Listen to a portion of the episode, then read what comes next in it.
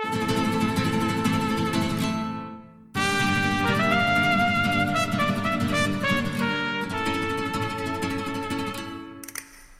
Madridistas, og velkommen ind for i vores virtuelle hyggestue her på madridista.dk podcast.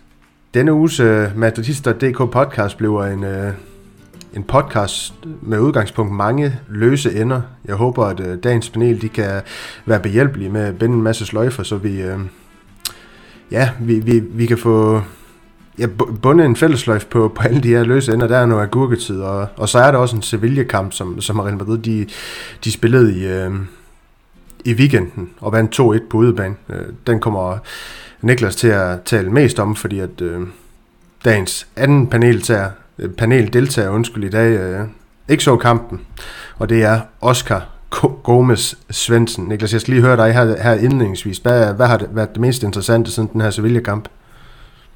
Eller sidste uges podcast. Siden Sevilla sidste uges podcast i alt almindelighed. Øh, siden dengang. Det, det, jamen der er, øh, lige nu kunne man jo godt komme til at tro, at der kommer til at være, være rigtig meget gang i, øh, i svingdøren i Real Madrid i hvert fald. Øhm, Asensio er på vej ud af meldt ude egentlig, mere eller mindre. Øhm, formentlig til Paris. Øh, Dani Ceballos ser ud til muligvis at få en ny kontrakt. Øh, så er der alt det her med Karim Benzema, øhm, som har været helt oppe i dag. Ikke? Torsdag optager vi. Øhm, altså, lige pludselig så, så ser det ud som om, at man skal nærmest ud og have øh, 5-6 nye spillere i stedet for. I stedet for de to, man måske havde planlagt fra klubbens side. Ja, det, det bliver ganske interessant Oscar. jeg er sikker på, at det også er en, eller noget af det, du har ja, bidt mærke i, siden, øh, siden vi, vi optog i sidste uge, og, og som jeg lige indledningsvis sagde, det var ikke for at, at kaste store brosten efter det, eller noget som helst, men det er jo det der med, at man skal ikke kaste øh, med sten, hvis man selv bor i glashus, så det er ikke sådan, og jeg skal da også indrømme efter mesterkampen, den øh, har været afgjort lang tid i, i spansk fodbold, så er det jo heller ikke, fordi jeg har, har tunet ind øh, på, på alle Real Madrids kampe og sådan nogle ting her. Det, det valgte du heller ikke at gøre i, i weekenden mod Sevilla. Nej, nu skrev jeg til dig, og det er korrekt, Daniel, nu skrev jeg også til dig, at det kunne jeg faktisk godt lave en, en lille pointe omkring mm. øh, det der med ikke at se kampene, fordi det er jo ikke nok, som du siger, når mesterskabet er afgjort, jamen så mister man måske også lidt, du ved, det der behov for at skal til side sætte alle mulige ting for at få, for at få set en kamp, der bliver spillet øh, lørdag eller søndag aften. Det er den ene del af det. Det næste er, når Ancelotti så bliver ved med at stille med de samme og de samme og de samme spillere, vi har set hele sæsonen, så er der heller ikke et spillermæssigt incitament i forhold til at se den her kamp. For havde han nu valgt at sige, nu spiller vi med 6, 7, 8 spillere fra Castilla, som vi tænker, du ved, lad os se, hvad de kan, lad, lad os give dem chancen, så har der også været noget interessant i at, i at tænde, for, tænde for et opgør. Men det gør han ikke. Det er de samme spillere. Hvis vi er heldige, så får vi, øh, så får, får vi Asensio at se fra start, sammen med, sammen med Mangdi og Mariano, og, og helt ærligt, det er sgu ikke nok til at få mig til at, til at se en fodboldkamp. Øhm, og generelt vil jeg sige, at jeg har også, du ved, når Real Madrid er ude, som de er i øjeblikket af Champions League og alt muligt andet, så har jeg også lukket ned for, for alt, hvad der nærmest hedder, hedder fodbold. Øhm, altså bortset fra Europa League-finalen i går, så kan jeg ikke huske, hvornår jeg sidst har set en, en fodboldkamp på tv, for at være helt ærlig. Så, så det er nok også der, hvor jeg står lidt, at jeg er gået sådan i fodboldmæssig forstand gået, gået lidt på sommerferie. Så er det selvfølgelig rigtigt, som Niklas han er inde på, at så er der heldigvis noget andet, vi kan få tiden til at gå med, gå med udover at øh, I to ved, jeg er passioneret cykelfanatiker, så er der også en masse, øh, en masse transferrygter, som, øh, som vi skal bruge en masse tid på i aften også, Daniel, som, øh, som jeg tænker er, kommer til at fylde mere, end vi nok havde regnet med, som Niklas siger, men samtidig også kommer til at gøre os mere frustreret, end vi har lyst til, det skal gøre os. Og med det siger jeg også, at når vi står den 31. i, i 8. og transfervinduet lukker, så har vi ikke fået 10% af det, vi ønskede os. Ja, det har i sandhed på banen ikke været mig at komme op og køre over og, og Vejle, de, de sikrer da også relativt hurtig oprykning, gjorde de ikke det? Så der har du heller ikke sådan rigtig haft noget spænding der. der. Nej, nej, lige præcis. Nu. Det er ikke ligesom i, i Aalborg, hvor de stadig hænger med røven Real Madrid skal spille på Vejle Stadion om, øh, om cirka 16 måneder. Så. Det, kunne, det, kunne være, det kunne være fabelagtigt. Øhm, Niklas, det betyder jo så sjovt nok også, at øh, Oscar han ikke har fundet to nedslag for den her kamp, og jeg synes egentlig bare, at vi skal hoppe ud i den, for den parkeret, og så hoppe videre til det, vi synes er det mest interessante i den her uge. Alle de her rygter og ting og sager på. For grænske lidt i dem og, og snakke lidt om dem, diskutere det, debattere det, og hvad vi nu ellers kan, kan, kan svinge os op til. Så Niklas, vi, vi, vi har gjort det hele sæsonen, så jeg kan godt også sige til den her kamp. Det var Courtois på kassen. Vaskes fik højre bakken, så var det Militao Alaba i det centrale forsvar, og Mandi på venstre bakken. Mini på sekseren. Modric og Kroos på de her to otte, og så var det Valverde på højre kanten, Rodrigo frem, og så, ja, som også kan jo lidt er inde på, det er ikke så offensomt, men Ceballos han fik så, det, det der er en venstre kant. Øhm, du kan måske tale lidt mere ind i, hvordan den her formation, den så udfolder sig øhm, i kampen. Ja, men den, den, den går jo som, som den kan gå, kan man sige, når man spiller med, med så mange spillere, der er gode til at kontrollere bolden, men måske ikke sådan vanvittigt gennembrudstærke, så, øh, så har man et, rige, altså sådan et, et rimeligt tag på kampen, øh, uden, uden at blive, blive sådan helt vildt giftig, og, og man kan sige, det er måske vores held, at vi det kan da godt være, at Madrid kommer ind og ikke har så meget at spille for, men Sevilla har vel nærmest endnu mindre i, i ligaen, ikke? Øhm, eftersom de havde en, en Europa League-finale, de lige skulle, skulle være klar til. Så, så altså, det er jo sådan en kamp, der kun blev spillet, fordi, fordi det skal man.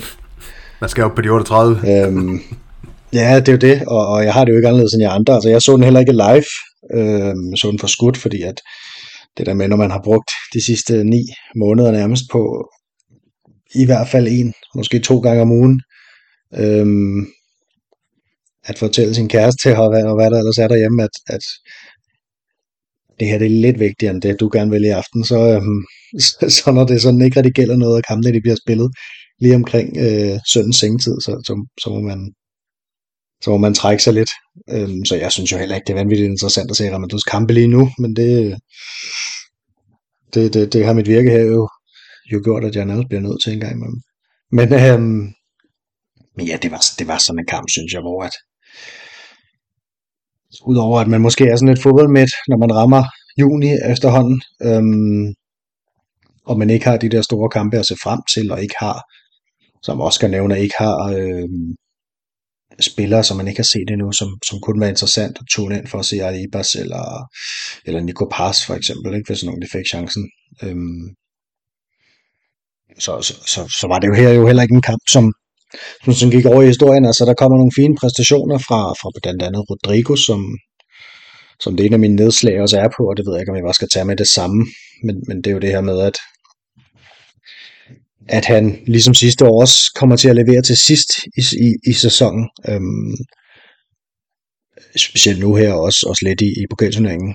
Øhm, og om det så er et varsel eller et noget, man skal glæde sig til i forhold til næste sæson, eller om det bliver ligesom i sidste sæson, hvor at, at han også sluttede stærkt af, men så når man ligesom når, når til øh, august-september igen, jamen så, så er der jo faktisk ikke rigtig sket noget med ham, vel? Altså, så synes jeg ikke, at han rykker sig sådan fantastisk meget. Øhm, og at han er en spiller til de få kampe. Jeg synes, jeg synes, det er rigtig fint, at han går ind og sparker det her frispark ind blandt andet. Altså, det er jo også et ansvar at tage. Og jeg synes, måske sammen med David Alaba, at han er den stærkeste skytte, vi har på frisbak, så jeg synes bare, han skal sparke, når han er på banen. Øhm, så, så, så det var noget af det, som jeg var tilfreds med at se for den her kamp her, og ellers så er det jo bare så det er jo bare sådan nogle her kampe, man skal komme igennem, altså, for at være helt ærlig. Det tror jeg virkelig, at øh, det tror jeg også spillerne tænker faktisk. De, de, har jo også lidt, de har jo også lidt sagt det, ikke? At det er svært at motivere sig nu her.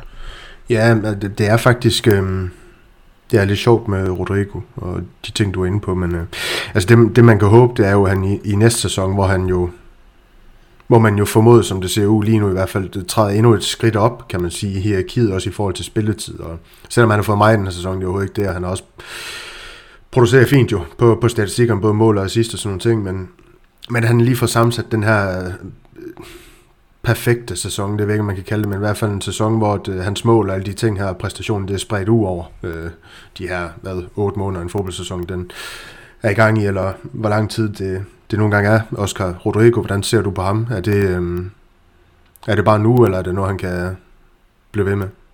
Ja, um, jeg synes faktisk, I sagde det fint på, var det podcasten, I optog i sidste uge, øhm, hvor en af, nu kan jeg ikke huske, hvem det var, fik spørgsmål omkring, om man følte, Rodrigo han havde nået sit potentiale, eller om han, du ved, var så god, at han kunne starte inden for Real Madrid, øh, altså være fast starter for Real Madrid, og der er jeg nok meget på linje med det, hvor jeg egentlig synes, at, at Rodrigo stadigvæk mangler et eller andet. Altså han gør det rigtig fint, men der er stadigvæk meget langt mellem, kan man sige, mellem de, de konsistente præstationer. Øhm, desværre, det er selv sagt langt mellem konsistente præstationer, men, men hvad hedder det, men det her med, at han er, han er stadig for svingende, og, og det er rigtig, rigtig godt her i slutningen af sæsonen, men, men han er også for lang tid om at, at løbe en sæson i gang. Det var han for i år til, til sidste sæson selvfølgelig, det var han i, så også kan man sige, op til den her sæson, og det, det er der, hvor man egentlig nok skal arbejde med ham fra klubbens side og sige, men altså, er der noget, vi skal være mere opmærksom på i preseason? Øhm, og jeg er også med på, i starten af sæsonen, har jeg heller ikke indtryk af, sådan lige fra toppen af hovedet, han spillede så meget, som han gør nu fra start i virkeligheden. Og det er der jo selvfølgelig også, også en pointe i, at han har fået mere, fået flere startpladser efter jul, men det hænger jo så, kan man sige, omvendt også sammen med, hvis han ikke har leveret til træning og så videre, skal han selvfølgelig heller ikke starte inden. Så, så jeg kunne sagtens se Rodrigo være en, en fast højrekant i Real Madrid på længere sigt, men jeg synes ikke, han er god nok til at være det i øjeblikket. Nej, det, det er også en, en rigtig, rigtig fin pointe, og Niklas, øh, Rodrigos andet mål, det var egentlig også rigtig godt i den her kamp. De her hurtige fødder, han, han, han disker op med, og så får lagt den, øh, ja, hvem, hvem det blev for ham, det kort hjørne på en eller anden måde. Øh, også rigtig, rigtig god aflevering op i banen fra, fra Tony Kroos. Øh, så, så, der var nogle ting. Du har taget et andet nedslag med, Niklas. Vi gider ikke gå over alle de her spillerpræstationer og sådan noget. Det, det er lidt irrelevant, når vi er altså anden sidste kamp og alle de ting her. Men Marcos Acuna, som blamerede sig lidt i den her kamp, og så havde til Real Madrid, jeg ved ikke, om det er hans havde til Real Madrid, der var jo også det her med inden kampen, var det ikke det, at var det fansene, der lavede noget protest, og jeg kan ikke huske, hvad det hele det gik ud på, øh, lige her på stående fod, men det var det her med, at man mente, Real Madrid det blev forfordelt, fordi Vinicius' røde kort for eksempel, det blev annulleret. Kan det passe? Øh, og sådan nogle ting. Ja, det var, ja. Det, var, det var det, det handlede ja. om. Og, og det og også øh, det her med, Marcos Acuna var ude og, og bokse over sit røde kort og sådan noget. Jeg synes bare, at altså, han stemler en mand på anklen, ikke? og det er hans tredje direkte røde kort i ligaen i den her sæson. Det, altså, det, det, det ja. og, og ni gule har han jo fået oven i det, og så også lige fået et rødt i Europa League. Så det er jo en mand, der laver nogle sindssyge ting en gang imellem. Øhm, sådan rigtig argentiner-forsvar, synes jeg, der laver nogle jernblødninger. Jamen, jeg synes, det er det her med, at at når tingene handler om Real Madrid, og jeg er egentlig ikke sådan en, der ser spøgelser eller konspirationer i ting, øh, normalt, jeg plejer at være sådan rimelig objektiv, men, men det her med, at, at der er så mange modstandere, det er som om de bare har carte blanche til at gå ind og beskylde øh, Real Madrid for snyd, øhm, og, og konstante dommerhjælp. Og, og så hvis det, lad os sige, det er Barcelona eller Atletico Madrid, der gør præcis det samme, jamen så er der ikke noget brok. Øhm, og tidligere på sæsonen har der også været, været nogle klubber, der har været at bokse over, over Real Madrid, og jeg synes bare, jeg synes det, jeg synes, det er mærkværdigt. Altså, det virker som om, at nu, nu, har, nu er man bare blevet enige om, at det er helt okay, at man går ud og, og, og stikker til Real Madrid på den måde, eller beskylder dem for ting, som, som, som, som ikke er rigtige. Altså, man kan jo prøve at kigge ind en gang imellem, og så, og så sige, at hvis man, hvis man stemler ind på anklen bagfra, jamen så, så er det sgu nok Altså, så er det sgu nok mig, den er galt med, ikke? Så kan det godt være, at der nok var rødt kort i virkeligheden. Øhm, og hvis det er så fjerde gang på en sæson, det sker oven i købet, så, altså, ja, så er det måske på tide at tænke sig om. Jeg, altså, jeg er bare træt. Jeg er træt af, at, at det går an, det der. Det må jeg sige. Øhm, ja. Men det her temperament noget sydpå i Spanien, det må man sige, Betis og Sevilla, de får deres kort. Øh, specielt rigtig mange røde. Øhm, og sådan er det jo tit dernede, ikke? at der, der bliver det dårlig stemning på et tidspunkt, og så, så begynder det at tage overhånd, og sådan var det også den her gang.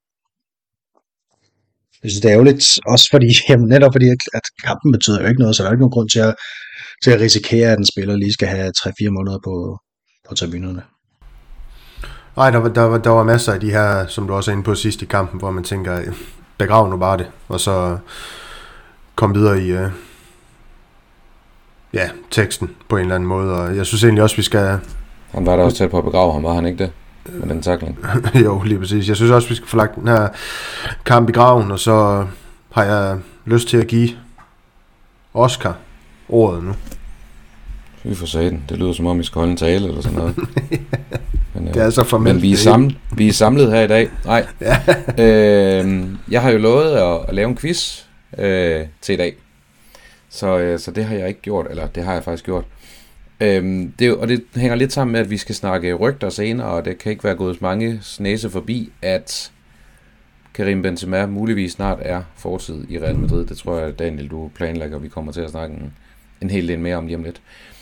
Men, eller derfor hedder det, har jeg simpelthen lavet en et-rundes Karim Benzema quiz, som i al sin enkelhed går ud på.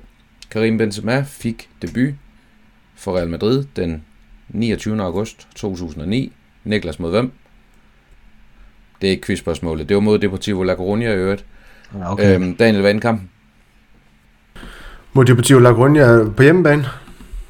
Øh, ja. Jamen lad os lege til den endte 4-1 til Real Madrid. Endte 3-2, så du havde antallet af mål rigtigt. Det var heller ikke quizspørgsmålet. Spørgsmålet er, og det er en uh, last man standing, som, uh, som vi er så glade for. Hvilke 14 spillere havde Real Madrid på banen i den her kamp?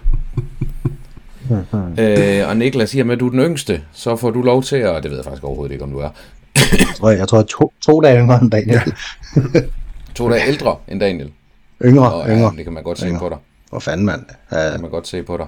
Så, øh, så ja, du får lov til at vælge, om du skal starte, eller om Daniel skal starte. Eller om Daniel skal, så, så, øh, jamen, så med far for at, at røge ud øh, på, altså helt allerførst helt fra starten, så tager jeg mig selv til at starte, tror jeg. Super, godt. Øh, og der er ikke nogen, øh, hvad hedder sådan noget, livs, livslinjen, var jeg ved at sige. Der er ikke nogen livlinje i den her. det er der heller ikke. I øvrigt, øh, husk at ringe der til, hvis I har behov for det.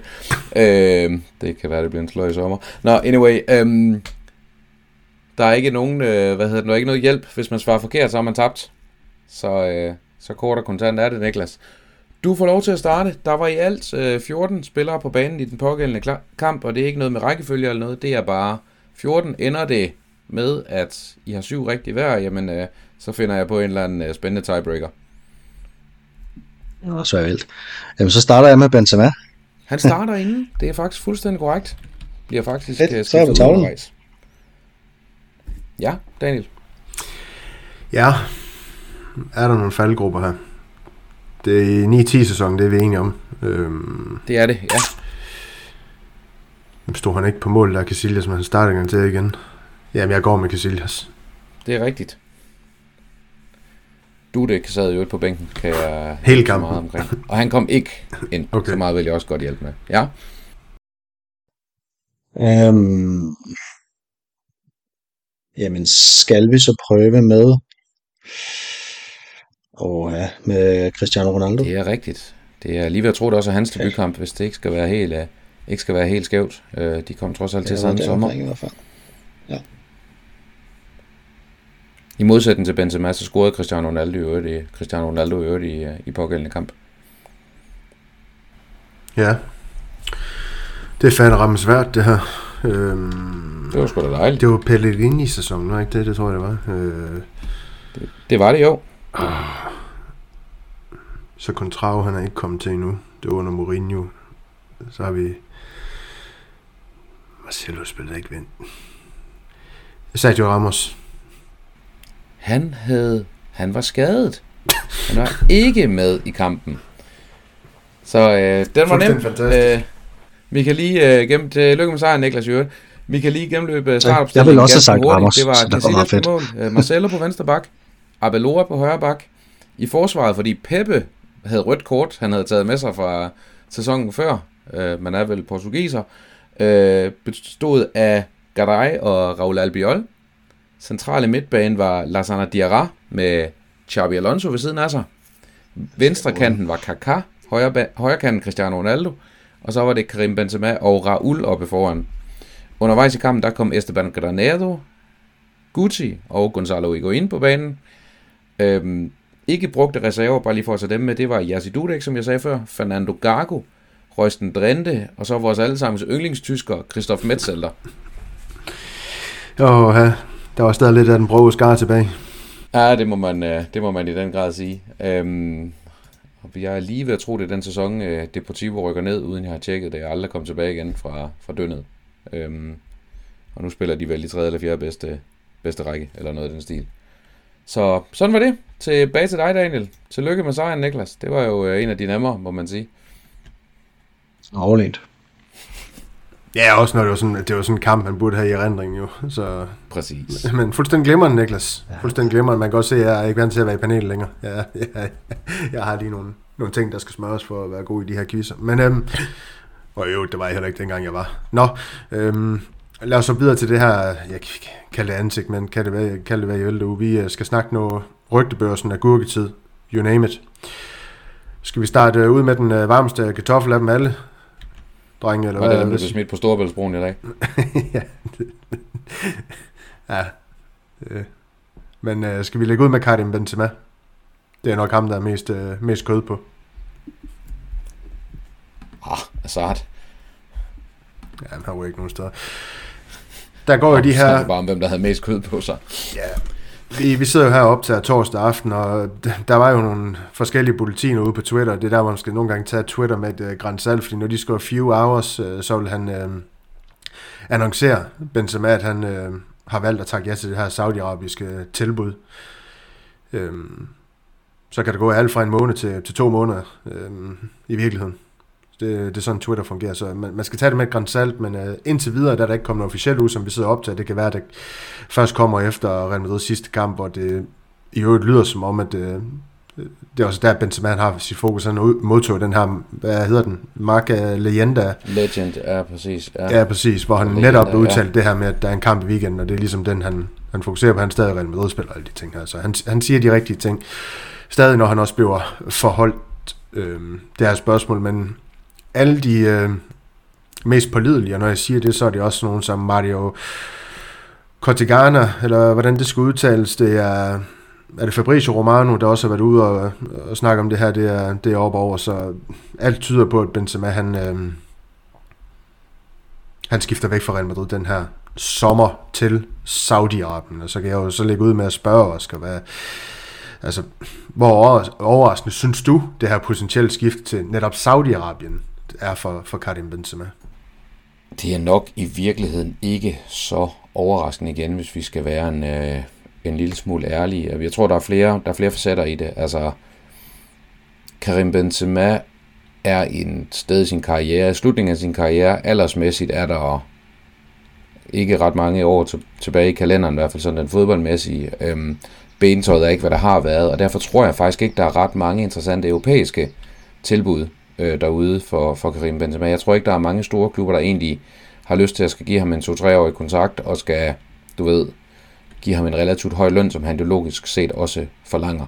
Øhm, jeg tror ikke på, at Karim Benzema kommer op og kan spille, lad os bare sige 40 kampe i en sæson, hvor han er 100% fit. Altså i år har det vel været 20 kampe ret beset, hvor han har været, været på 100%, og så har han spillet en masse andre, men hvor bentøjet helt tydeligt ikke har været, hvad det skulle være. Og det er jo selvfølgelig også det, der lig, lidt, lidt ligger til grund til at sige, jeg tror ikke på, at der er ret mange europæiske tilbud, der er interessante for, om det kan godt være, der er kommet nogen, men så tror jeg ikke lønmæssigt, de, de modsvarer, lad os bare sige, noget, der ligner, hvad han får i dag.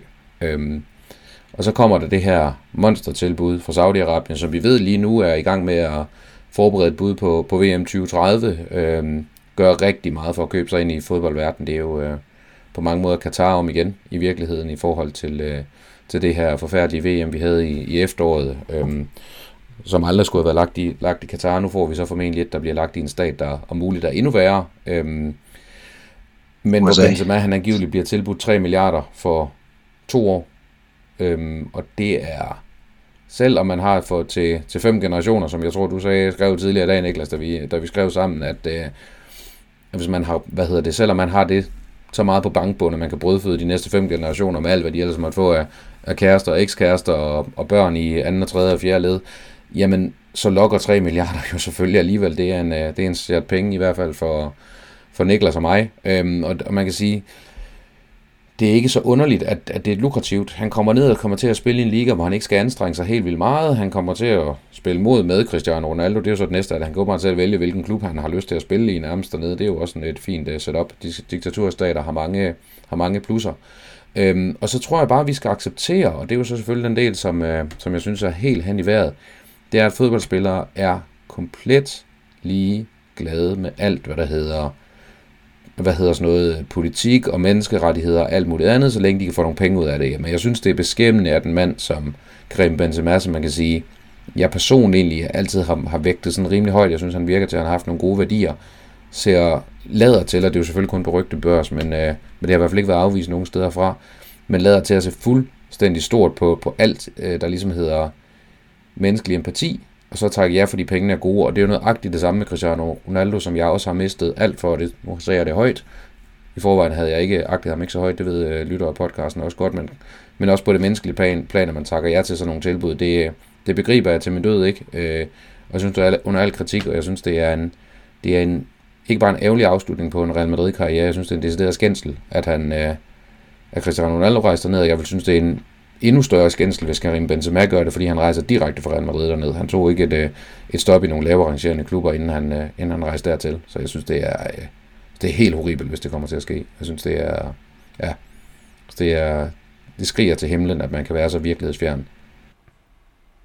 Ja, vi kommer lige lidt, ind med, lidt mere ind på det der, for jeg har faktisk øh, formuleret en to-tre spørgsmål, der, der går i den retning, men også jeg kan godt lige tænke mig at følge op på, på noget af det, du indledte med, og øh, din forståelse for, hvorfor han vælger det her sportslige, hvad kan man sige, skridt, øh, vi kan kalde det sportslige, skrådstræk økonomiske, som du også åbner op, øh, lidt op for, men altså han, han vinder jo Ballon d'Or for sin anstrengelse i 2021-2022 sæsonen, Så har han den her 2022-2023 øh, sæson, som vi jo alle på forhånd kunne spåde ville blive svært for ham, fordi han skulle være den her ene angriber i et kalenderår, hvor der var 172 kampe øh, som, som 4-35-årig. Øh, det, det, det, var, det var dømt til at gå galt, fordi Real Madrid ikke ja, fik gjort deres, øh, synes jeg, håndarbejde godt nok øh, i, i sidste øh, sommers transfervindue, men nok om det. Altså, kunne man ikke Altså, hvad, hvad, hvad, hvad, hvad ser du det her hvad et udtryk for? Ser du det udtryk for, at Benzema han siger, at sportsligt, der kan jeg ikke mere? Ser du, og han har, har, har sagt, at han ikke vil forlænge, eller er det Real Madrid, der ligesom har været inde over, også at svinge stokken ud fra nogle, øh, det ved jeg ikke, øh, fysiske parametre øh, fra Benzema i den her sæson? Jeg tror helt sikkert på, at Real Madrids fysiske stab har, skal vi sige, har løftet en bekymring eller luftet en bekymring i forhold til, øh, til den sportslige ledelse og sagt, der er en stor sandsynlighed, skråstrej risiko for, at Karim Benzema ikke kommer tilbage til, hvor han var i sin Ballon d'Or-sæson.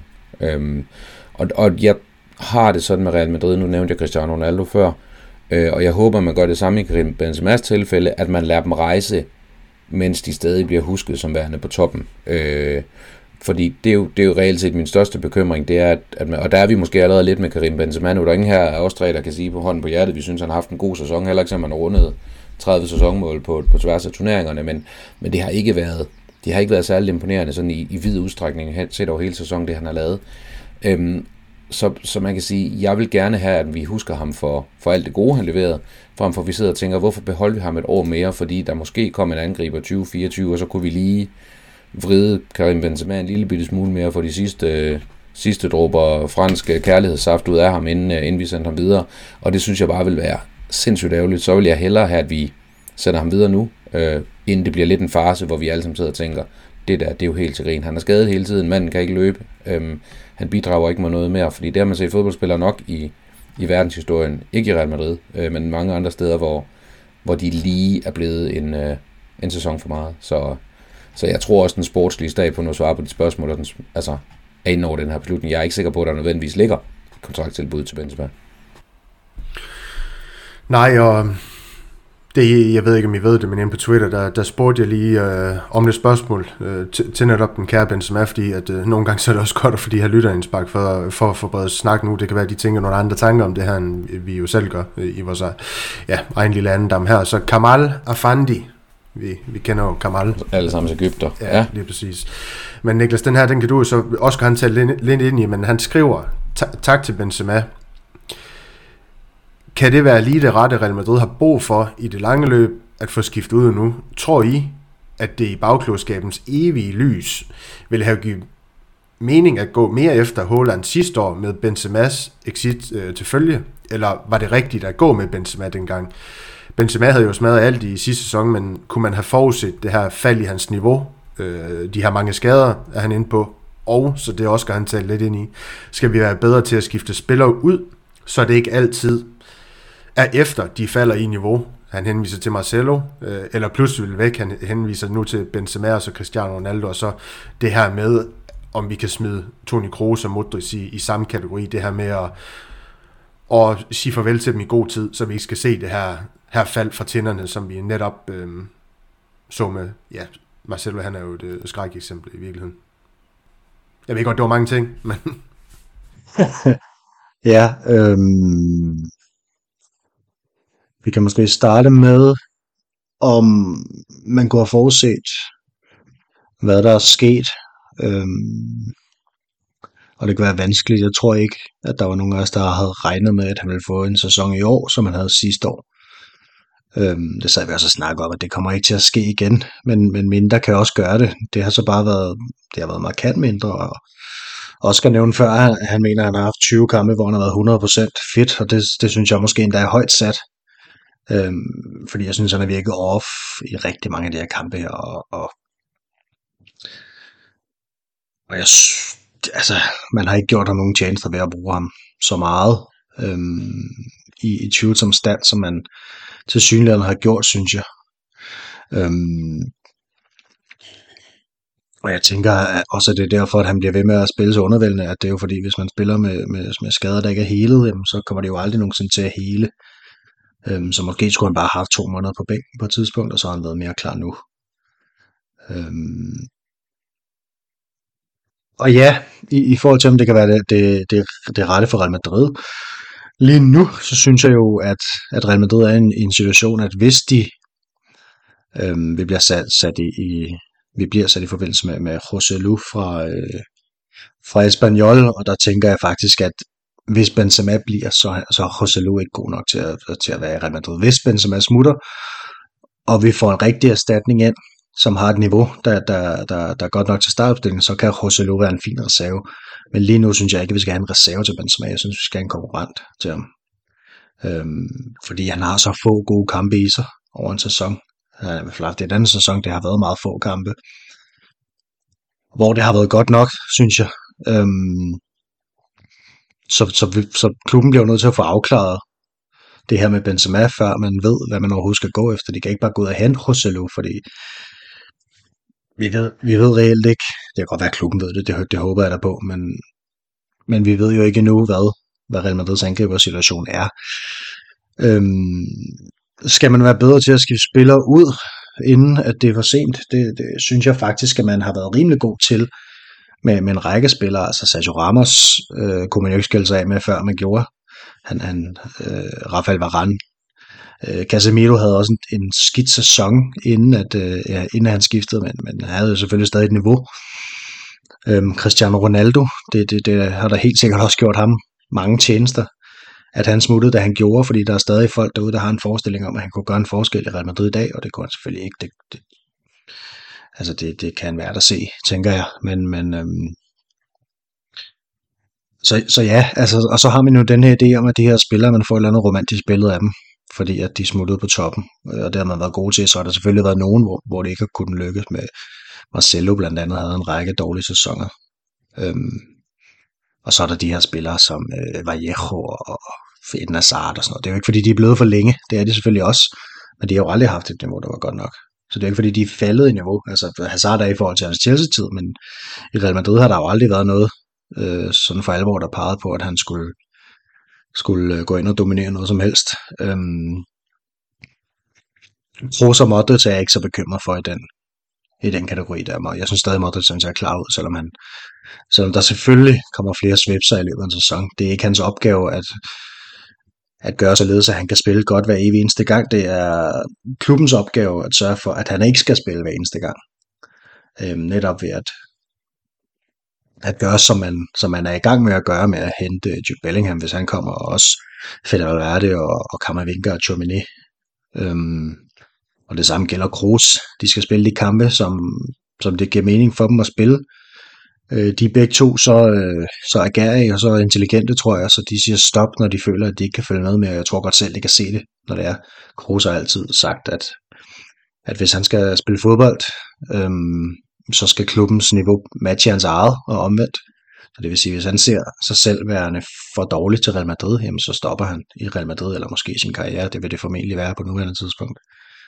Øhm, Modric kunne måske godt tage et andet sted hen, så kunne det være, at han kunne tage til, til Mellemøsten, hvis der ikke var andre tilbud. Øhm, forlydende er jo nu, at, at der er tilbud, men at han afviser dem, fordi han gerne vil blive i Real Madrid, og det, det må man jo, altså det, det, det er jeg i hvert fald rigtig, rigtig glad for, at, at sådan en som ham, han, han holder fast i de værdier. Øhm, jeg ved ikke, om der var flere spørgsmål fra Kamal. nej, nej, det var der ikke. Der var, der var rigtig mange, det var, det var fint pakket ud, Niklas. Og, og det er jo også det her med, at man skal jo passe på og ikke at... Jo, der var den med Holland, ikke? Øhm, og der kommer, jo, der kommer vi til at se dum ud. Altså, men, men det, er jo, det er jo en balancegang. Fordi Real Madrid har jo altid fået skudt i skoene, at man var ekstremt dårlig til at tage sig af sine legender, og nu er man måske lidt for god. Ikke? Øhm, men som Oscar nævner nu, altså, der er mange troværdige journalister, der, der nævner, at, at Benzema han har fået øh, tilbudt sin kontrakt øh, forlængelse for lang tid siden. Øhm, men der er så også nogen nu, der begynder at spekulere i, at man måske har trukket den tilbage, fordi man har set, hvad det er, han, han, øhm, han er i stand til, og hvad han ikke er i stand til lige i øjeblikket. Og måske har den her har, har, har VM øh, skuffelsen også taget for hårdt på ham psykisk. Altså jeg tror, at han havde en kæmpe stor drøm om at vinde VM med Frankrig, og så bliver han udelukket på den måde af, af, af DJ Deschamps, kan man så sige. Nu, du, altså ikke nu var han jo, der blev snakket om, om, om hvorvidt han var skadet eller ej. Det mente han jo ikke selv, han var, men han har været skadet lige siden. I hvert fald, så må det ikke, at der har været et eller andet. Øh, men det kan også være, at han simpelthen har lidt så stort et knæk der, at, at det er svært at komme op igen. Og når man har vundet Ballon d'Or, som er næsten, hvor man næsten er midt i 30'erne, hvor meget har man så egentlig at opnå? Han kommer ikke til at spille så godt igen nogensinde. Så måske er øh, motivationen der ikke rigtig længere. Øhm, ja, og der var jo, altså, der var jo også tvivl om Holland sidste år, fordi han havde haft så mange skader i løbet af den sæson der, så man kunne sige, han skadespræget, det, det, det han så vist sig, i hvert fald den sæson, det har han ikke været.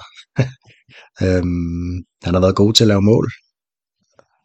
Og, og, og ja, altså på, på det tidspunkt, man gjorde det, synes jeg ikke, det var forkert, at, at lade Benzema fortsætte også, fordi løbet er ikke kørt med Holland, bare fordi han tager til Manchester City nu.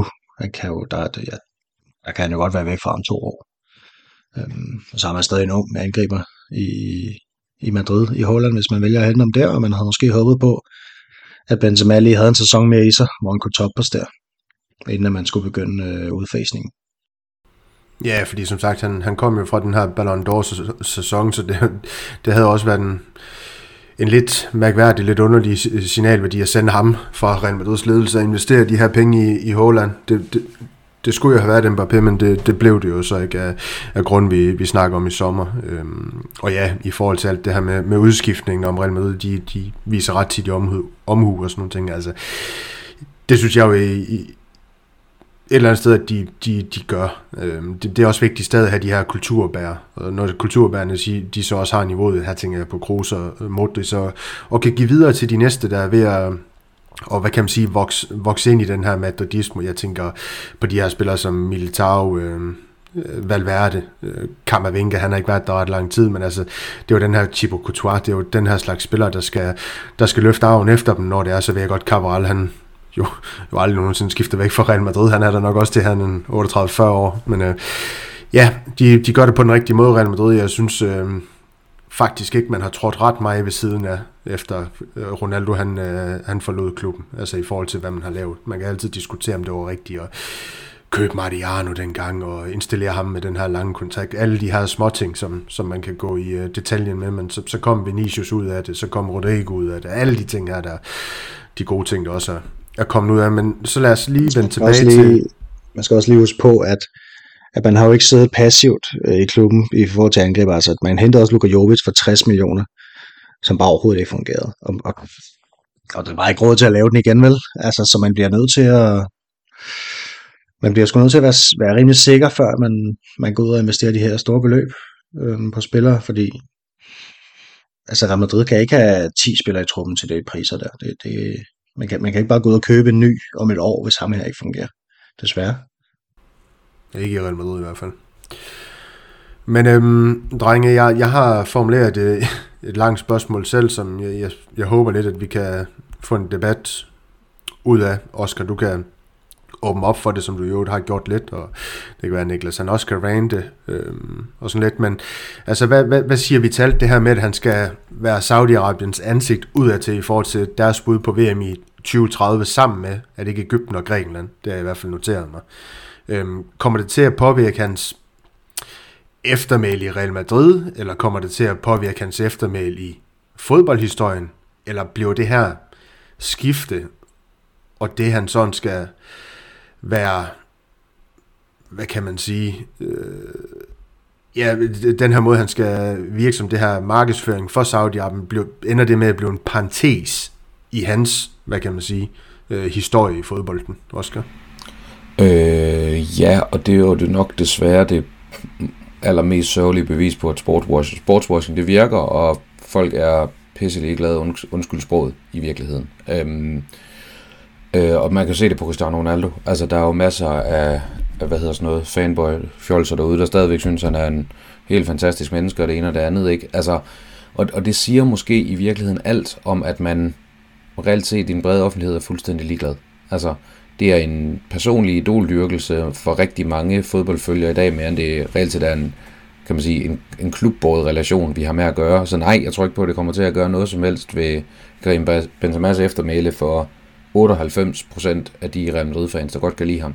Så vil der sidde et par procent tilbage. Det er sådan nogle tre sure gamle mænd som os, der synes, han skulle have handlet med hjernen og alt muligt andet, og handlet med hjertet ikke mindst. Men, men det, er ikke det, det er ikke det, som kommer til at fylde fylde ret meget, og det er ikke det, der kommer til at plette hans eftermæle på nogen som helst måde, og det viser som jeg sagde før, det viser jo bare, at, at det, her desværre, det her det desværre virker. Men det er også det, der glæder mig ved en spiller som Toni Kroos. Altså, han har så meget integritet og så mange værdier, hvor jeg vil sige, jeg kunne aldrig nogensinde forestille mig, at han så meget vil overveje at skifte til et land som Saudi-Arabien eller Katar for den sags skyld. Simpelthen fordi han, det strider mod alt, hvad han, hvad han tror på. Øhm, og, og der kan godt ligge noget, noget nordeuropæisk ophav på en eller anden måde i det også. Det skal man heller ikke være, være bleg for, for, under, for at undervurdere. Så kan vi tage hele snakken om Vinicius og prøve den kasse igen, øh, som også har noget at gøre med, sådan kan man sige, øh, hele relationsdelen og hele, kan man sige, hvad er acceptabelt og hvad er ikke okay. Øh, men jeg tror, det er, en, øh, det er en podcast for sig selv næsten. Men, men nej, det kommer ikke til at have nogen betydning, Daniel, overhovedet. Øhm, og, og man siger, det er jo fint, de vil gøre ham til, til hjertet udad til og alt muligt andet, men, men det er jo også bare et, bevis på, at igen, jamen, han har så stort et navn i fodboldverdenen, og har de fået Cristiano Ronaldo dernede, lurer mig om ikke også Messi, han måske faktisk er der efter sommerferien også, jamen, så har de brændt 15 milliarder i lønninger om året på, på de her tre spillere, eller over to år på de her tre spillere, og, og det er jo fuldstændig ligegyldigt. Altså, det er jo småpenge, det er en dråbe i havet i den store markedsføringskampagne, og det giver dem noget, som øh, alle tv-reklamer i verden aldrig nogensinde kunne give dem. Ja, Niklas, hvad, hvad siger du til det her? Øhm, ja, meget. Jeg tror, vi skal huske på, at det, øh, at det er meget et nordisk problem, ikke? Altså, det er meget Danmark og Storbritannien og, og, og Tyskland, som går op i de her ting. Der, der er ikke, altså i Spanien er, er de ligeglade i, i det store hele med de her ting. Øhm, de, altså der, der, der er ikke ramaskrig dernede, fordi at et VM skal afholdes i Katar, eller et par store stjerner tager til Saudi-Arabien for at spille fodbold. Altså det, det er heller ikke i Sydamerika. Altså, det, det tænker de ikke rigtig på, tror jeg. Øhm, jeg var til foredrag på et tidspunkt med, med Stanis Elsborg, som er sådan noget senior analyst hos uh, Play the Game, som taler meget om det her, og så Jeppe Larsen Brock fra, øhm, fra, øhm, fra politikken, mener jeg, øhm, som er sportsjournalist, også har været meget i Katar i forbindelse med, med VM, og, og de har været rundt omkring i, i Europa og hørt om, eller talt med folk fra, fra forskellige lande, og det er jo sådan set, øh, blev, blev bare bekræftet det her med, at det er egentlig kun os, der sådan rigtig går op i det her, ikke? Øhm, nordpå, altså i Sverige var der ikke engang den helt store ballade, man kan sige, hvad, hvad betyder det også for dem, hvor VM skal spilles, kan man sige. De skal ikke med alligevel. Men, men altså, så, så sådan hans, deres eftermæle, altså, det kommer ikke til at lide den helt store, øh, det kommer ikke til at lide det helt store knæk af det her, tror jeg, sådan på verdensplan. Øhm, også fordi, at det er noget, folk glemmer med tiden. Øhm, det, det, det, det er som et andet kapitel. Altså, det er jo ikke en sportsgren, de spiller derovre. Det er, det er jo ligesom, altså, der er jo heller ikke særlig mange mennesker, der er fan af Harlem Globetrotters, vel? For de spiller ikke kampe øh, mod modstandere, der gør sig umage. De, de, de, de laver bare et show. Det er ikke en sport. Det, det er ligesom at gå i teater. Øhm, og det er, lidt, det er også lidt det, jeg ser den der saudiarabiske liga som. Altså, de har hold, som formentlig ikke vil overleve i Superligaen. Og så har de måske... Øh, her må jeg lige citere en af de bedste spillere nogensinde. Øh, Det kan blive en af verdens øh, fem bedste ligaer, Niklas. Øh, Den saudiarabiske. Det var det. Ja, Er det Jakob Rinde, der har sagt det, eller hvad? det har Saudi... Ja, han spiller jo også dernede. Ja, lige Og hvorfor præcis. skulle han ikke det, som han sagde, eller siger? Ja, ja nej, men det, og det kan jeg så bedre forstå faktisk, fordi altså, man kan sige, Cristiano Ronaldo, øh, nu ser vi lige Messi, han kommer måske ikke derned, men han er, han er jo ambassadør i forvejen for, for Saudi-Arabiens VM-bud ikke? i 2030. Og så øh, lad os tage Karim Benzema med i den. Altså, de, de kan jo ikke nå at bruge deres penge, uanset hvad. Jakob Renne, eller øh, hvem fanden det ellers er, de kan jo, altså, de kan komme til at tjene til resten af livet, så der kan man et eller andet sted godt sætte sig ind i, hvorfor de gør det. For han får jo ikke penge i OB til at leve resten af livet for. Øhm, eller til at sikre sig selv, eller hvad man kan sige. Han kommer ikke til at leve økonomisk øh, nød i, i de næste mange, mange Der år. er ingen penge i Nordjylland. Du. Nej, det er der ikke. Det, det ved vi. Øhm, så, så der kan jeg bedre forstå det, men, men, men, men som Oscar siger, altså, de har jo i, i hovedrøv de her spillere i forvejen, så, så derfor er det også lidt svært for mig at forstå. Øh, men igen, de kommer også fra kulturer og nationer, hvor det her det ikke er nogen, altså det er ikke en big deal. Om der er lidt, lidt knas med menneskerettighederne, øhm, eller lidt, øh, lidt, lidt racisme dernede, og hvad der ellers foregår. Altså, vi, det, det, det betyder bare ikke det samme, som det gør for os. Så vi kan sagtens sidde her så så over det. Men men kan du så ikke, nu, nu snakker vi meget objektivt om det, synes jeg i virkeligheden, altså det, det lader spørgsmål også, nok også op til, jeg kunne egentlig også godt tænke mig, at de kom ind på det lidt subjektivt, men Jamen, jamen, så prøv, prøv at forklare mig, det, det, jeg ved ikke, Oscar, eller Niklas, en af jer taler ind i det her med, altså Modric Kroos, Modric, hvorfor takker han nej til at skifte til Saudi-Arabien? Øhm, skal vi ikke længere, hvad bliver det, øst på, for at øh, det hele det skifter i forhold til, hvordan man, man, man, man, man ser på tingene samfundsmæssigt, eller whatever, hvordan man nu skal sige det politisk. Ej, men jeg vil også sige, at for- for mig tror jeg lige spids situationen Modric. Altså, jeg tror, han er... Han også godt selv ved, at han er god nok til at tage en sæson med i Real Madrid. Det tror jeg reelt set på Karim Benzema er i tvivl om, han er. Øh, sådan rent bentøjsmæssigt. Øhm, og Kroos er jo, ikke, er jo ikke lige så gammel, men han er jo også den der, at han vil stoppe på toppen, og, og jeg tror i virkeligheden, det er det, der er overvejelsen for ham. Jamen, skal det være en sæson med i Real Madrid, og skal jeg så stoppe karrieren, eller skal jeg stoppe karrieren nu? Altså det er jo, vi så det jo et par år siden, han stoppede på det tyske landshold også, og så videre, så, så, så han virker også som en, der passer enormt meget på sin krop, og ikke skal rende og blamere sig på en eller anden, øh, du ved, regional regionalligahold i øh, Eintracht Braunschweig, Braunschweig, et eller andet sted i Tyskland, øh, når han bliver 39 eller sådan noget den stil. Så, så, så jeg tror for dem er det mere et spørgsmål om, at de, de gerne vil slutte i Real Madrid, og det gælder i virkeligheden dem begge to, øh, så længe de kan være med på niveauet. Øhm, det tror jeg så, Karim Benzema, han, du ved, går med de samme overvejelser, øhm, men så måske også har, jeg ved sgu ikke, om det er svært at skyde nogen i skoen, hvilke værdier de har, men i hvert fald ikke har Nej, noget nej, problem med at nej. skulle skifte til, skulle skifte til Saudi-Arabien igen. Pengene er gode og alt muligt andet, og vejret er sikkert rigtig fint. Øhm, og så skal man nok heller ikke være bleg for, at, at Karim Benzema han har en, øh, en, religions, øh, en religiøs baggrund, der matcher med, med religion i Saudi-Arabien. Øhm, det har- slår mig hverken Modric eller Kroos mig til at have. Trods alt. Ja, så. Nej, det tror jeg altså. Altså, jeg tror, at alle folk har selvfølgelig forskellige grunde til at tage ned. Øhm, Cristiano Ronaldo, tror jeg, havde, havde virkelig svært ved det der i Manchester United, men han lige pludselig...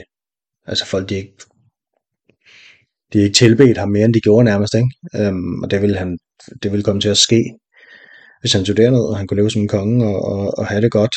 Øhm, og selvfølgelig tjene, tjene sindssygt mange penge. Øhm, jeg tror ikke, Kroos og Modric de har det der behov for at komme ned og tjene en masse penge, som, altså, man kan sige, de har ikke de penge i forvejen, men de har penge i forvejen. Øhm, jeg tror hellere, de vil spille sporten. Altså, som, som sagt, så, så, så anser jeg det ikke som værende sådan en del af sporten, når man gør sådan der. Altså, jeg synes ikke, der er noget, der er, der er ikke noget sportsligt, der er ikke noget konkurrenceelement. Altså, hvis det passer det her med, at det er Saudi-Arabiens regering, der har tilbudt Karim Benzema øh, 100 millioner euro om året skattefrit, og så kan han bare selv vælge et hold.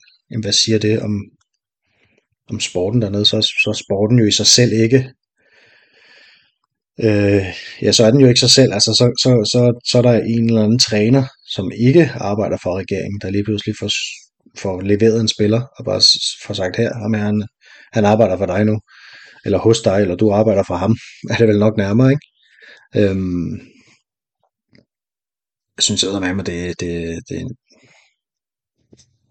ja, det, det, det, så synes jeg, vi er rigtig tæt på, at, at det er noget andet end fodbold, når det bliver sådan noget. Altså, så synes jeg netop, vi er rigtig, rigtig tæt på et teater. Øhm, ja. men, men det var jo en til en det samme, man havde i forbindelse med VM i Katar også, for det var jo sportsministeriet, der reelt set havde carte blanche til rigtig mange, altså til at udskrive rigtig mange udgifter, kan man sige. Ikke? Og, og, og det, det er jo, kan man sige, en af fordelene ved at leve i et diktaturstat, det er det der, hvor man tænker i, i et demokra, demokrati, øh, som vi har i, i store dele af Europa, jamen der forsøger man at holde sportsklubber og politik adskilt. Øhm, der er grænserne måske lidt mere flydende i, i lande, hvor, hvor det ikke helt er ikke er helt er så opdelt, og ikke er helt er så nemt at føre en demokratisk samtale altid.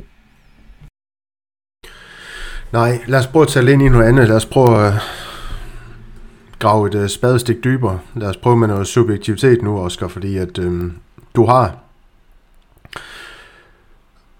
mange gange talt ind i din afsky af Cristiano Ronaldo sådan, hvad kan vi sige, ophøjelse af sig selv, narcissisme, kald, kald, kald, øh, kald det, hvad du vil. Øhm, og derfor har du ham heller ikke som den bedste spiller i Real Madrids historie. Du har ham dog alligevel øh, højt op på, på listerne, fordi at man kan jo ikke øh, fjerne det, han trods alt har præsteret statistisk øh, for, for Real Madrid.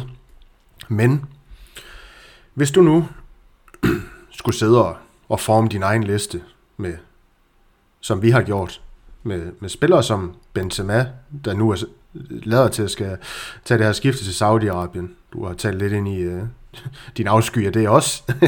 og så op mod spillere som, altså på din helt egen rangering, personlig rangering, hvor, hvor spillere som Modric og Kroos også er på, vil du så have Benzema højere eller under de to spillere? Jeg ved ikke, om spørgsmålet det giver mening i forhold til ja, værdisætten og sådan noget der.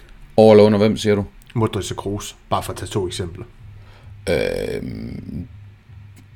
det vil, han vil falde på min liste, hvis han vælger at tage til Saudi-Arabien. Det vil han helt sikkert. Øhm, det, det er der slet ingen tvivl om. Og igen kan man sige, for mig, jeg kan godt give dig, jeg vil give dig ret i, det kan være svært at adskille det sportslige og det personlige, hvis man sådan skal sige det, skal sige det lidt firkantet. Men for mig så hænger tingene også, også sammen. Også vi, vi følger trods alt en klub, som slår sig ret meget op på, på, at man gerne vil have nogle, nogle stærke værdier i virkeligheden. Altså, at man i virkeligheden som, som klub også gerne vil drives af nogle, nogle værdier, som gør en forskel i verden. Altså, der er jo Real Madrid øh, Foundation for eksempel, ikke, som laver hjælpearbejde i, udom i verden og sådan nogle ting. Øhm, og som i virkeligheden også på mange måder fremmer en demokratisk øh, proces. Real Madrid har været, har været en del vokal også i forhold til konflikter og alt muligt andet, hvor der har været ting, altså ligesom til at, til at indimellem godt og vil turde tage en, øh, tage et standpunkt, eller i hvert fald at udtrykke sympati med en, eller, en side eller en anden side.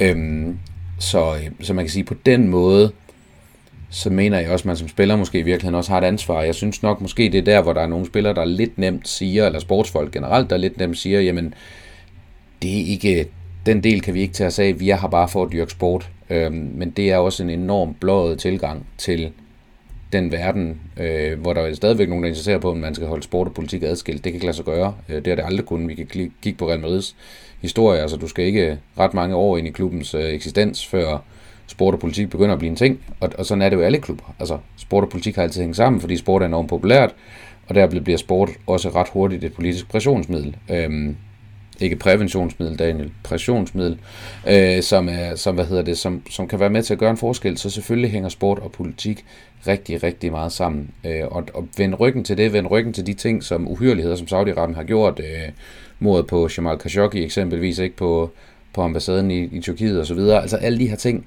som man siger, men det har jeg ikke noget med at gøre, og så er det lige meget. Jamen, så, så er man, altså, så har man skulle undskylde mig en, en, nok ikke voksen nok til at være en del af en, uh, en, moderne, en moderne samtale eller en demokratisk samtale. Det, det er nok det, hvor jeg sådan vil sige, men altså Karim, Karim, Karimse, Karim Benzema vil falde vildt meget på min liste, hvis han vælger at tage til, tage til Saudi-Arabien. Øhm, I forvejen der er han jo allerede, det tror jeg, jeg faktisk jeg har udtrykt, måske også i en podcast, godt på vej ned, fordi jeg synes, jeg har manglet noget fra ham i hele den her Vinicius-sag. Altså han står trods alt som kaptajn for klubben og vil gerne være med til at løfte trofæer, men han er der ikke, når en af hans spillere blev udsat for, udsat for racisme. Jeg tror knap nok, han lavede et, noget så simpelt som et opslag på Instagram, hvor han viste, viste støtte til, til Vinicius. Øhm, han var ikke ude efter nederlaget mod City og, og måtte give interviews, men det lod han blandt andet Vinicius og Rodrigo om. Det er ham, der anfører. Altså jeg synes, øhm, synes godt nok, han, han måske også begynder at optræde på en måde, hvor jeg tænker, men er du faktisk sådan helt... Er, er du stadigvæk nok til stede og nok kaptajnpotentiale til, at vi kan have dig i Real Madrid? Øh, for det er jeg faktisk ikke sikker på efterhånden. Så, så et eller andet sted er jeg nok også der, hvor jeg tænker, men det, det er fint nok. Altså, lad ham rejse, og lad ham, lad ham gøre, hvad han har lyst til igen. Ikke, lad, ikke for at negligere, hvad han har gjort. Han har gjort rigtig meget godt for, godt for Real Madrid, men det er, der er langt fra Modric og Kroos og ned til Benzema på min liste. Øh, enormt langt. Altså, jeg kan nævne mange andre spillere, der har været med i den her periode, der er over dem. Altså, Carvajal, eller over ham. Carvajal, øh, Casemiro, øh, hvad hedder det, øh, Kayla Navas for nu også at gå, gå helt tilbage, ikke? Øh, Courtois, altså der er rigtig mange, hvor jeg næsten vil sige, men når du begynder at lægge summen af, af deres præstationer og deres personlighed og deres bidrag, kan man sige, til, til klubbens værdier sammen, jamen så er så ligger Benzema ikke ret højt. Bare vent, når han kommer til Saudi-Arabien, så kommer der også en Instagram med Follow My Binance NFT Journey i hans uh, Instagram uh, biography, nøjagtigt ligesom Cristiano Ronaldo, han har kørende i øjeblikket.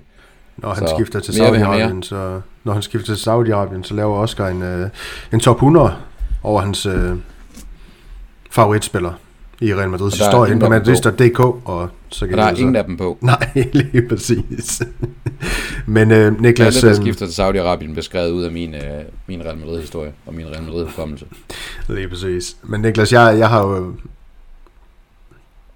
en del gange haft en...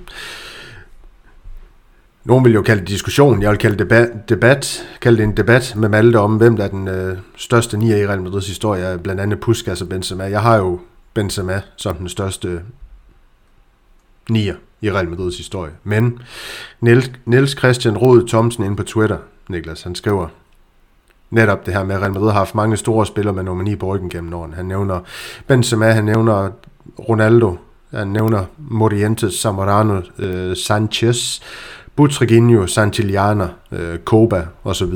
Øhm, hvor du, øh, hvor du rangerer Benzema blandt alle dem her? Du kan også svinge Puskas med en ligning, hvis du vil. Men nummer 9 på ryggen. Øhm, altså, vi har jo rangeret ham som nummer 5 på vores all-time liste inde på Madridista.dk øhm, over alle spillere. Men det er jo deroppe, ikke også? Fordi jeg synes jo, hvis man taler om, om, om kun om Real Madrid, så er han jo også bedre end, end Ronaldo var det. Øh, Ronaldo Nazario fra Brasilien. Øhm, og, og de fleste af de andre, altså det er Stefan og selvfølgelig, selvfølgelig over ham, øh, over Benzema. Øhm, så, så han er jo deroppe af, helt klart. Øhm, men vi skal, det, det har selvfølgelig også været primært det sidste, de sidste, de sidste år her, og det er også, altså han har lavet en omvendt, en omvendt Marcelo, ikke? hvor Marcelo han var enormt svag i sin sidste år, så har Benzema været enormt stærk i sin sidste år, og, og, det, og det gør jo, at han kommer til at ende højere på, på sådan en liste her, end han måske øh, burde, øhm, hvis, hvis, hvis nu at jeg skulle lave den sådan helt alene. Øhm, men nej, han er en af de største i, i historien. Øh, en af de største angriber i Real Madrid's historie, synes jeg. Øhm, de sidste fire år her, hvis vi lige fratager i år, eller der har selvfølgelig også været stunder, men, men ja, jeg synes også, det har været lidt, det har været et overfor på banen, og han har haft et par gode kampe. Han havde blandt andet sit hat mod Barcelona. Øhm, men som kaptajn er han jo en meget, meget anderledes type, end, end nogle af dem, der tidligere har været. Øhm, og vi har set ham være rigtig god til det her med de unge mennesker øhm, tidligere med at, at snakke med dem på banen og dirigere dem og sådan noget. Øhm, og, det, og det skal jeg ikke kunne sige, om han ikke også bare har taget en privat snak med, med Vinicius. Øhm, så jeg tror, jeg vil, vil, jeg tror, jeg vil vente med at kritisere ham for lige præcis det. Øh, og jeg vil også vente, vente med at, eller jeg ved ikke, om jeg kommer til at tage det særlig meget med i, i sådan min overvejelse omkring den største Real Madrid-spiller, om han tager til Saudi-Arabien eller ej. Altså det må være det må være sådan min personlige holdning øh, til manden Benzema frem for spilleren, øh, der, der lider et knæk. For mit vedkommende i hvert fald. Øh, så jeg synes stadig, at han er, han er en af de største på den position der. Altså han har gjort meget, og man, kan, og man har tydeligt kunne se de sidste par år her, de her mål, han lavede sidste år i Champions League, især at han var ved at, altså han var ved, ved at, han var virkelig berørt, når han scorede mange, de her, mange af de her mål, ikke? Øhm, og viste, at det betød rigtig meget for ham. Der steg han i graderne hos mig. Øhm, så, så, så det vil være, det vil i hvert fald være noget af det, jeg husker ham for, tror jeg, men, men jo, jeg synes også, det er et karakter, øh, et karakterknæk, at, at man vælger at, at degradere sig selv på den måde der. Ja, under alle omstændigheder, så er han spiller, der i Real Madrid's historie har fem Champions League titler. Han har vundet Ballon d'Or, han er den tredje mest scorende i Champions League nogensinde. Real Madrids anden mest scorende spiller nogensinde. Den Real Madrid spiller med allerflest assist nogensinde. Og den fjerde mest scorende spiller i La Ligas historie. Det er en, øh, det er en markant skikkelse. Og der kommer ja, det lyder vold, det, meget mere statistik det lyder og voldsomt, det. alle mulige andre ting, når vi skal lave en afskedspodcast om ham, Niklas. Det, det lyder voldsomt, når man tænker på, at han var ni år om at begynde at score mål. Altså, stort set. Der, han, altså, han, han havde lige et par sæsoner med, med Ronaldo, hvor han lavede mange. Øhm, men han har jo også en sæson, hvor hvad er det, han laver fem i, i ligaen eller sådan noget. Øh, der i, lige inden Ronaldo smutter. Øhm, så det er imponerende. Jeg havde ikke troet det for fem år siden, at han skulle overhale Raul. Så han er, han er også sluttet enormt stærkt af. Og han er heller ikke væk endnu, men det, det, det lød sådan på det, det her Mark Leanders, han, var med på i dag også, at han ville ikke snakke om, han ville ikke snakke til Real Madrids fans, fordi han var i Madrid nu, og de har en kamp på lørdag. Øhm, men meget tyder jo på, at, at det så bliver en sidste kamp. Præcis. Og, altså, og nu, nu ved jeg, nu har jeg været, været hård ved, ved Benzema, men altså ret skal også være ret. Øhm, da Cristiano Ronaldo forlod Real Madrid, der var vi rigtig mange, der sad og tænkte, hvor skal de her plus 50 mål komme fra? Øhm, og, og de er jo ikke måske alle 100% kommet fra Karim Benzema, men i hvert fald de, de 70% af dem er kommet fra ham. Øhm, og han har også vist sig som en enorm klog og en enorm dygtig, omstillingsparat, øh, hvad hedder sådan noget, øh, fodboldspiller, der, der har kunnet indtage mange roller. I virkeligheden har været en, en fantastisk wingman for Cristiano Ronaldo, og da han så har rejst, jamen, så trådte han ind i rollen som, øh, som afslutter i stedet for at have løst den til, til perfektion, så det skal man heller ikke være på nogen måde være bleg for øhm, overhovedet. Øhm, og så i øvrigt lige, øh, bare lige en kommentar omkring Kroos, Daniel, hvis, øh, hvis jeg må det. Øhm, Kroos han kom jo med den her efter Sevilla-kampen, at, at nu hvor han blev spurgt til sin kontraktforlængelse, hvor han siger, at jeg håber snart, at klubben offentliggør det, for jeg vil faktisk gerne på ferie. Øhm, og, og jeg tænker, det næsten er det tætteste, man kan komme på en, øh, hvad hedder sådan noget, øh, officiel kommunikation fra, fra klubben, at, øh, at Kroos har forlænget, og det, det kan ikke tolkes på andre måder, at, øh, at, at han, øh, han bliver et år mere i Real Madrid. Øh, og jeg tror, Modric gør det samme i virkeligheden. Så, øh, og jeg tror, den der Ceballos forlængelse, tror jeg lidt, at, at røgslør, den har jeg lidt svært ved at, ved at tro, øh, tro på. Øhm, jeg tror til gengæld på, at, øh, at han har fortid til sommer. Ja, men øhm, I åbner lidt op for det. Jeg synes, vi skal, øhm, vi skal hvad skal vi sige, runde snakken om Benzema stille og roligt er, for om vi er klar til at tage afsked eller ej, så kommer vi givetvis til at tage afsked med ham. Det er det, at alle bilene de peger mod og som jeg forsøgte at sige dengang, Niklas han også havde noget på, på stemmebåndet, på tungen, som han har, har formuleret, så kommer vi til at lave en, ja, en gigantisk stor afskedspodcast til Benzema, skulle han skifte til Saudi-Arabien, hvor vi kommer til at dykke ned i hans karriere i Real Madrid meget mere detaljeret. Øhm, slår ned på nogle af til at lave mange afskedspodcast til sommer, du.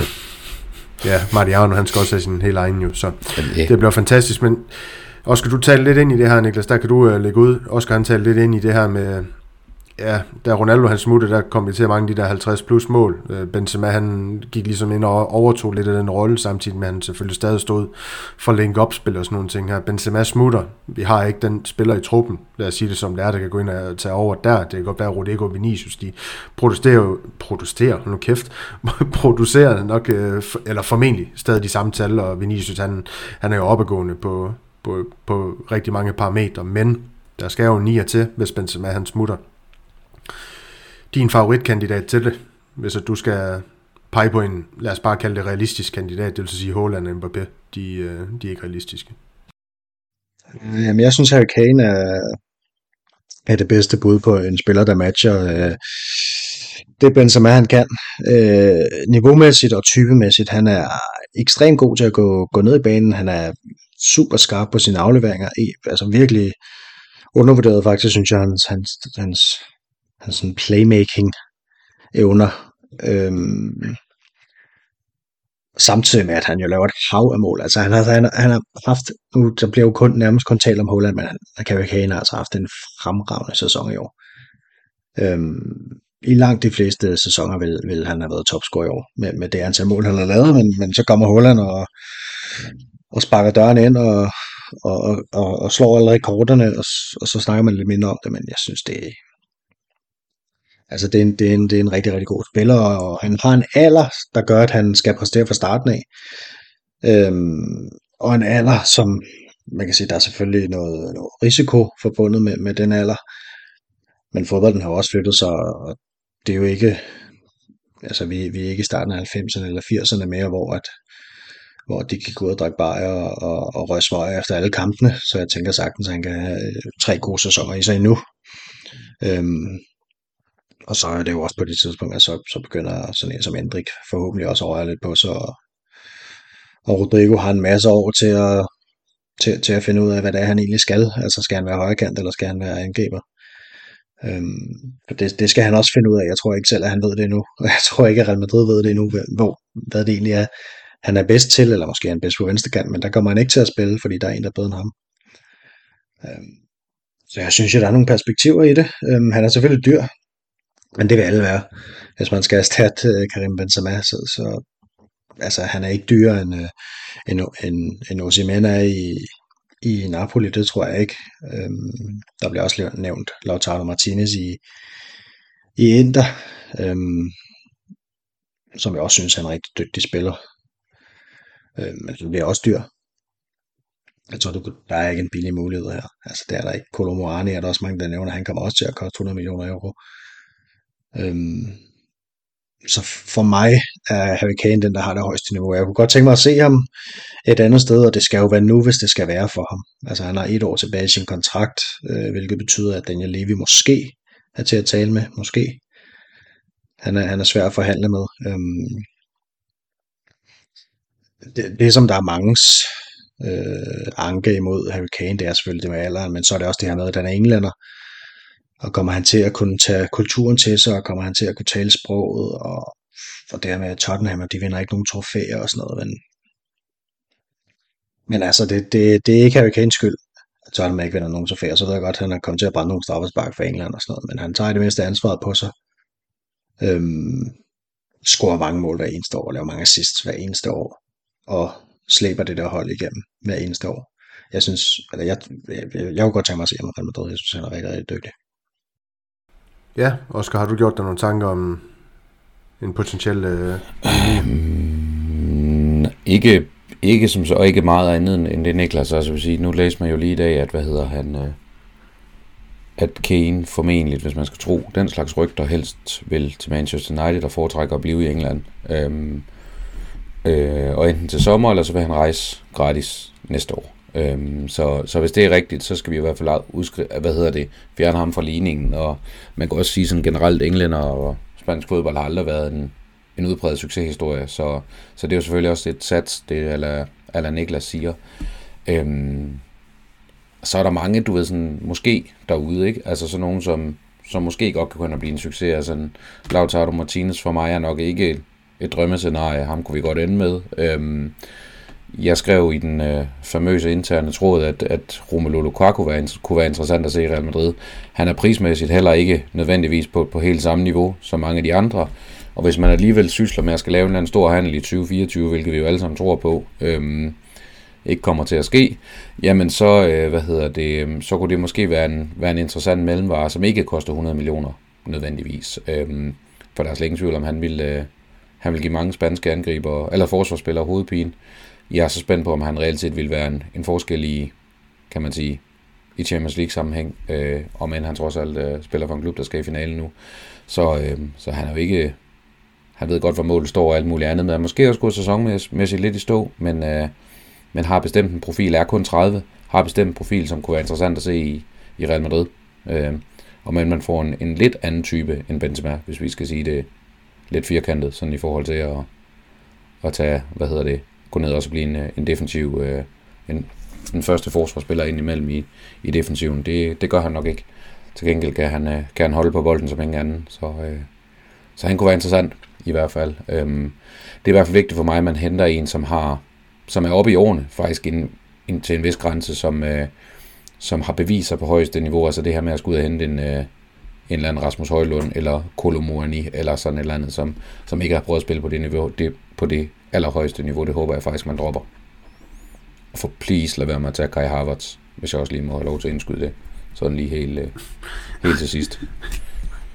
Nej, det, det, ham gider jeg godt nok heller ikke at se i den spanske hovedstad.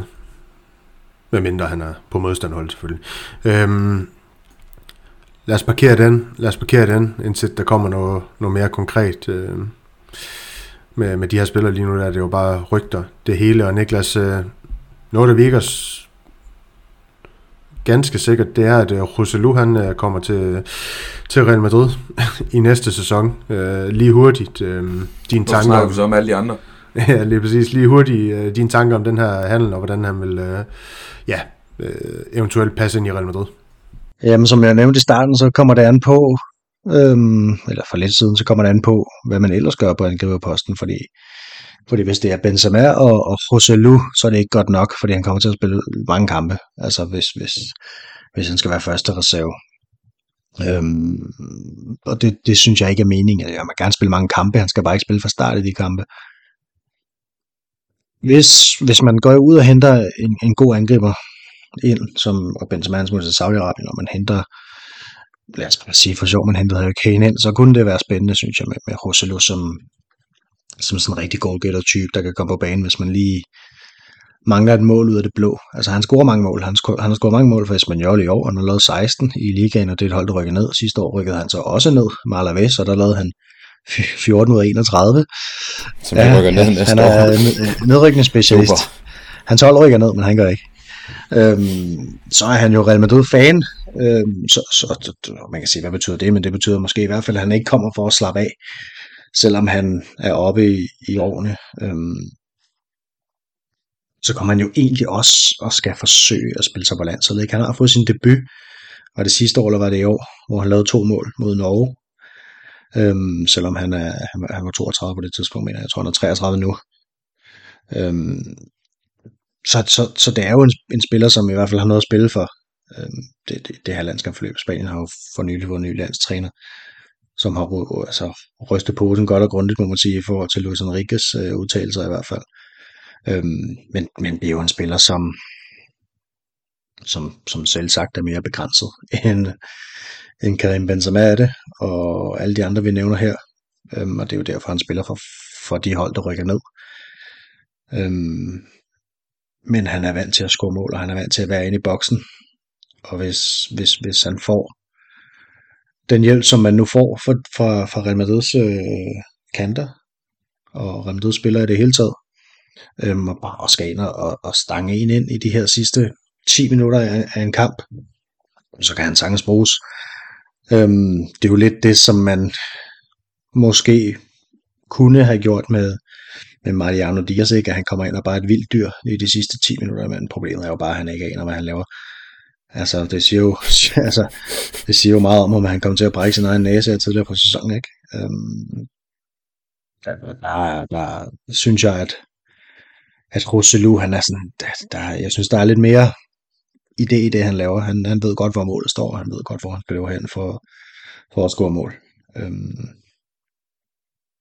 og, altså ganske simple mål. Det er jo ikke, øh, det er jo ikke sådan en, der laver det ene golasso efter den anden. Det er meget straffespark og, og, og det, det, vi kalder tabens, men, men de tæller også. Ikke at han vil få lov til at sparke straffespark for Real Madrid, men han vil i hvert fald få lov til at være sådan en, der skulle ind og lave lidt ravage ind i feltet. Øhm, når man skal forsøge at tvinge et resultat hjem, fordi det har været et problem for Real Madrid, at, at man ikke, altså i mange af de her kampe her, der, der kan man simpelthen ikke åbne modstanderne, eller der mangler ham der, der bare går ind og bare gør et eller andet øh, anderledes end de andre, at det ikke bliver for fint ind i feltet nogle gange. Altså det kan sagtens, det kan sagtens blive en succes. Altså vi, vi har sådan en som øh, Choupo-Moting, der øh, både har gjort det i Bayern München og, og Paris, det her med at bare være en succesfuld øh, reserveangriber, selvom han, han er jo ikke god nok som sådan til at spille i de klubber. Han er jo ikke god nok til at starte inden, men han, men han kommer bare på, på banen, og så scorer han mål for bænken. Og, og det er jo ligesom, når man sætter, øh, eller har sat Lukas Vaskes ind, eller Nacho ind, de er jo måske ikke gode nok til at starte ind, men de, de kommer ind og gør et job, som, som man har brug for øhm, på et givet tidspunkt, og det handler jo om trupsammensætning.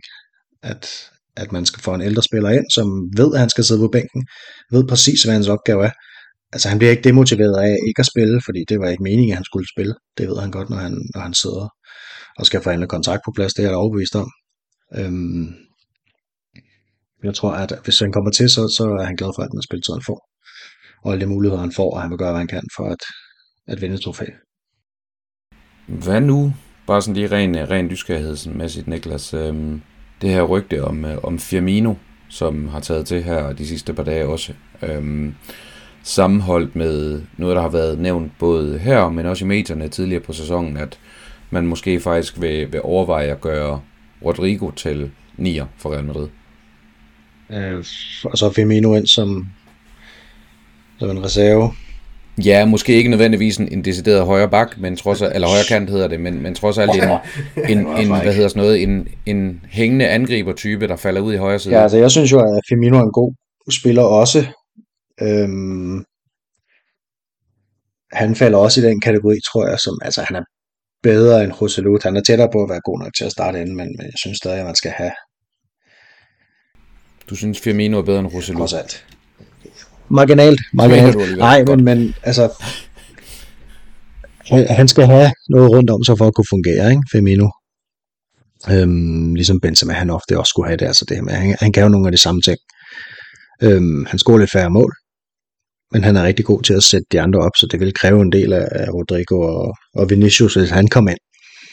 Og især hvis han kom ind og skulle være starter, og det, det, altså det ville han jo skulle, hvis det var ham, der kom ind, og Benzema der smuttede. Um, så kan man også sige, nu, hvis vi taler i forhold til Benzema, jamen, han får meget som Benzema til at skulle være reserve. Um, og vil han acceptere at tage til Real Madrid, hvis man lige havde købt en stjerneangriber i Madrid? Altså hvis Real Madrid køber en stor kanon, der skal være startende nier. Vil Firmino så bruge sine sidste år af sin karriere på at være på bænken i Real Madrid? Det ved jeg ikke. Altså det har han jo prøvet i Liverpool. Liverpool er også en stor klub. De vinder også Champions League og, og, og Liga, når Manchester City ikke lige øh, præsterer øh, 100%. Øhm, så man kan sige, at han hungrer ikke lige så meget efter de der trofæer som reservespiller, som, som mange andre gør. Øhm, jeg synes, han er en spændende spiller, men hvis vi skal ud og bruge, bruge øhm, ikke EU-pladser, så skal man jo også være varsom med, hvem man, hvem man bruger dem på. Nu får Jude Bellingham forhåbentlig en øh, næste sæson, og så får Endrik en om to sæsoner. Og så har man kun en tilbage, ikke? Og skal det være en reservespiller. Eller Harry Kane. Ja. Nå ja, men Harry Kane kommer ind og skal være første angriber, og hvis han kommer til, altså. Øhm, det vil øh, Firmino jo formentlig ikke skulle. Nej, jeg... Altså min tanke omkring det her med Roselu lige hurtigt, det er, at altså, jeg ved godt, man ikke kan gøre det sådan op en til en, men et eller andet sted, jamen, og jeg ved godt, at han har scoret sin mål som starter for... Øh, Espanyol. Hold kæft, der tabte tråden. Ja, Espanyol. Espanyol, øhm, ja men han går et eller andet sted ind og overtager den, den målratio, som Asensio han har haft gang i. Øh, så på den måde, der mister vi ikke noget, øh, hvad kan man sige, målmæssigt. Øh, jeg tror, han kunne producere i 10 plus mål også for Bengt Roselu. Det, det er i hvert fald min, min antagelse øh, omkring ham.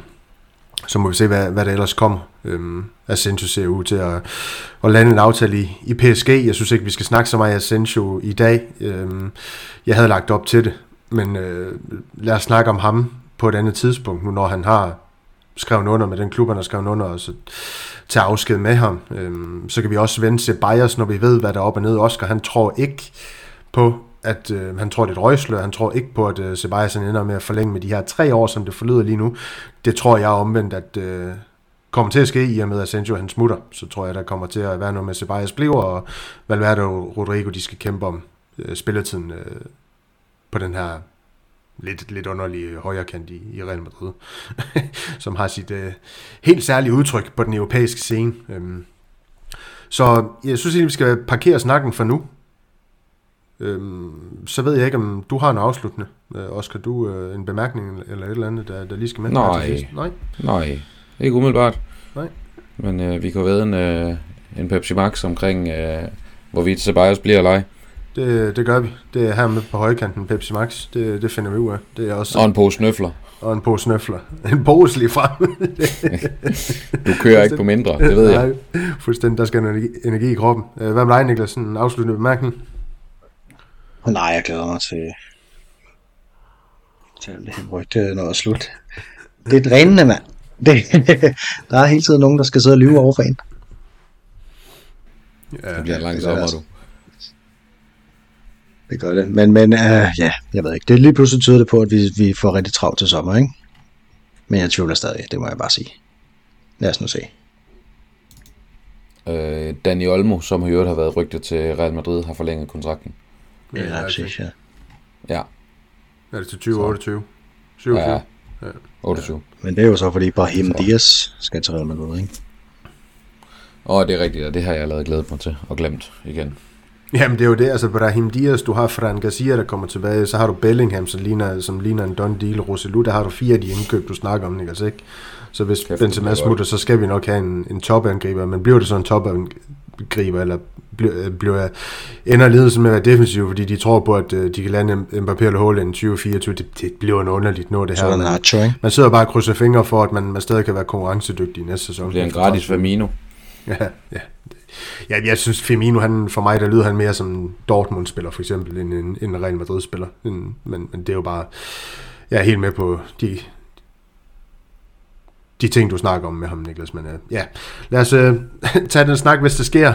så kan jeg rant lidt om over uh, et eventuelt indkøb af Firmino, hvis det skulle ske. Men uh, Husk vores uh, mobile paybox derude, det er 1630WV, hvis man har lyst til, at vi skal lave en afskedspodcast om, uh, om Benzema, så kan jeg jo vurdere, om I har lyst til at høre det derude, alt afhængig af, hvad der rører ind i boksen.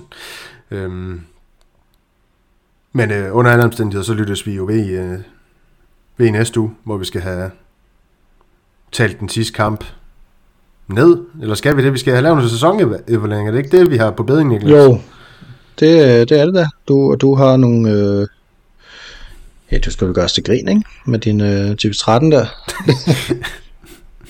der, der er nogen, der har, der har blameret sig inden sæsonen i hvert fald. Men sådan er det jo med en tips 13. Man, man, man rammer jo sjældent øh, rigtigt på, på alle sammen, og så kommer vi til at give sæsonkarakter til, ja, lad os bare kalde det Real Madrid's vigtigste spillere, vi har valgt, at, ligesom at sige dem Hazard og Mariano og Vallejo og alle de andre ligegyldigheder, dem gider vi ikke at, at, at bruge alverden på, så fokusere lidt mere på de interessante spillere. Så det, øh, det kan I jo glæde jer til derude, og så er der egentlig bare tilbage at sige Ala Madrid. Y nada más.